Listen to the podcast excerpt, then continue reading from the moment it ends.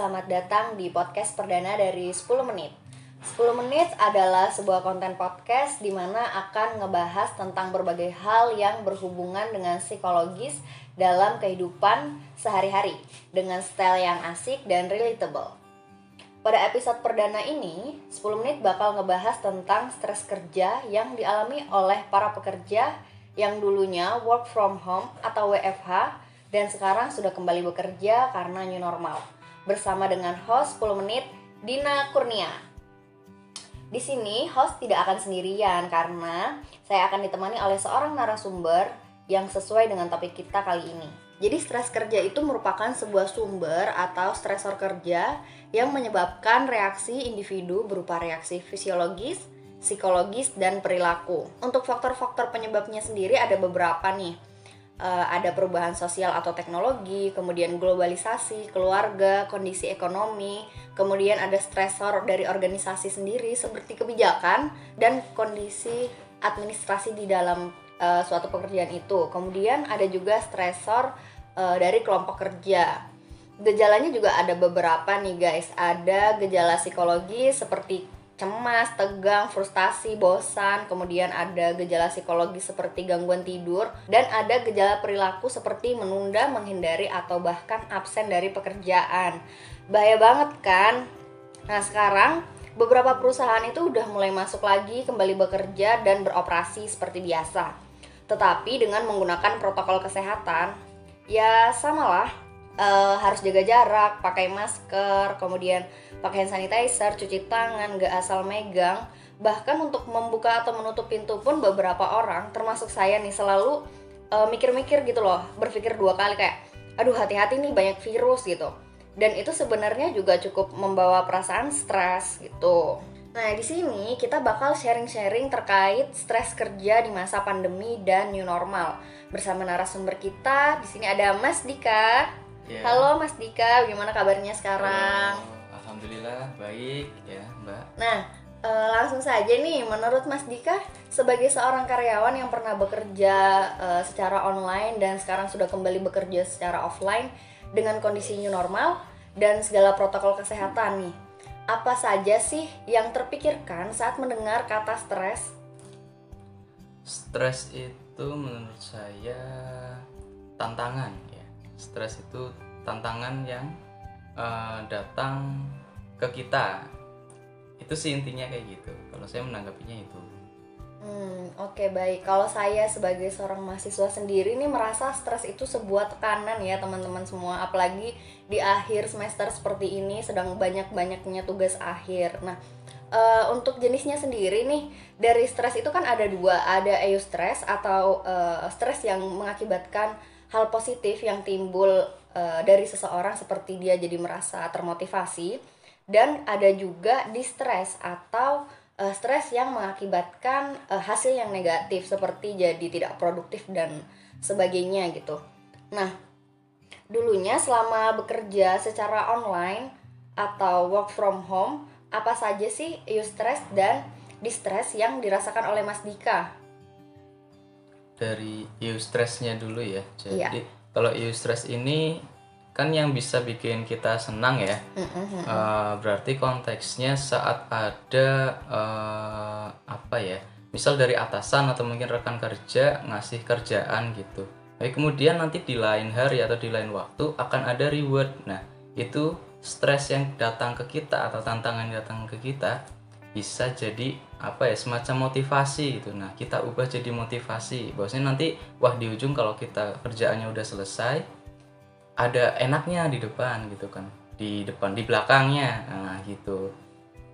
Itu kalau untuk yang bisa bikin seneng ya. Tapi untuk yang kedua yang di stres ya uh, saya contohkan mungkin apa ya ketika mendapatkan tugas-tugas atau kerjaan ya. Kemudian tapi setelah selesai ngerjain gitu atau udah selesai gitu kan Eh, nggak uh, ada apresiasi dari atasan atau mungkin nggak ada apresiasi dari rekan kerja. Nah itu kita udah capek-capek kemudian uh, tiba-tiba nggak ada nggak ada tanggapan apa pun malah malah adanya mungkin kayak komentar ya, komentar ini toh masih kurang toh. Nah hal-hal sekecil itu yang bisa bikin apa ya mood kita atau mungkin kayak motivasi kita untuk mengerjakan tugas berikutnya itu bisa turun gitu.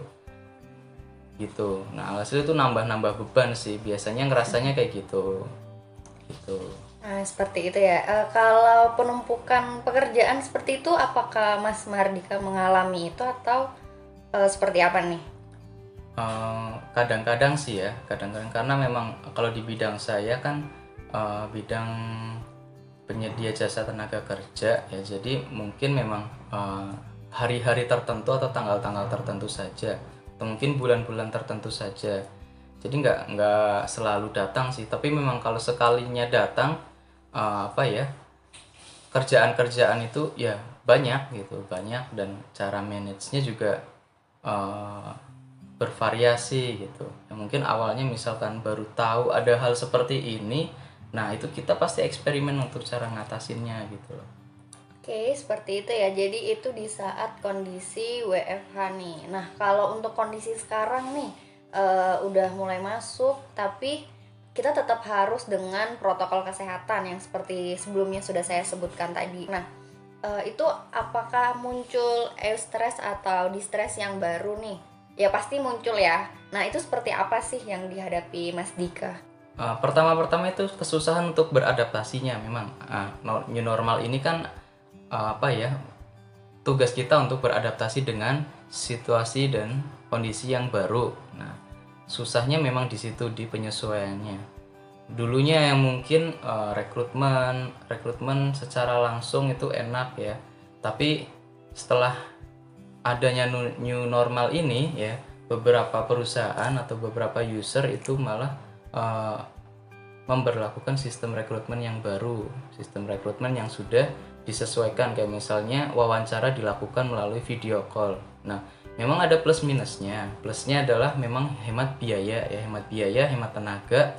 Tapi minusnya kadang memang kandidat atau mungkin waktu kuota ya, apalagi device atau uh, gadget masing-masing karyawan itu kan belum tentu terjamin kualitasnya ya. Jadi bisa jadi ada yang di video call sedang di kebun itu pernah ada kemudian di video call sedang di sawah atau mungkin di video call sedang tidak ada kuota. Nah itu nah, salah satu kendalanya di situ.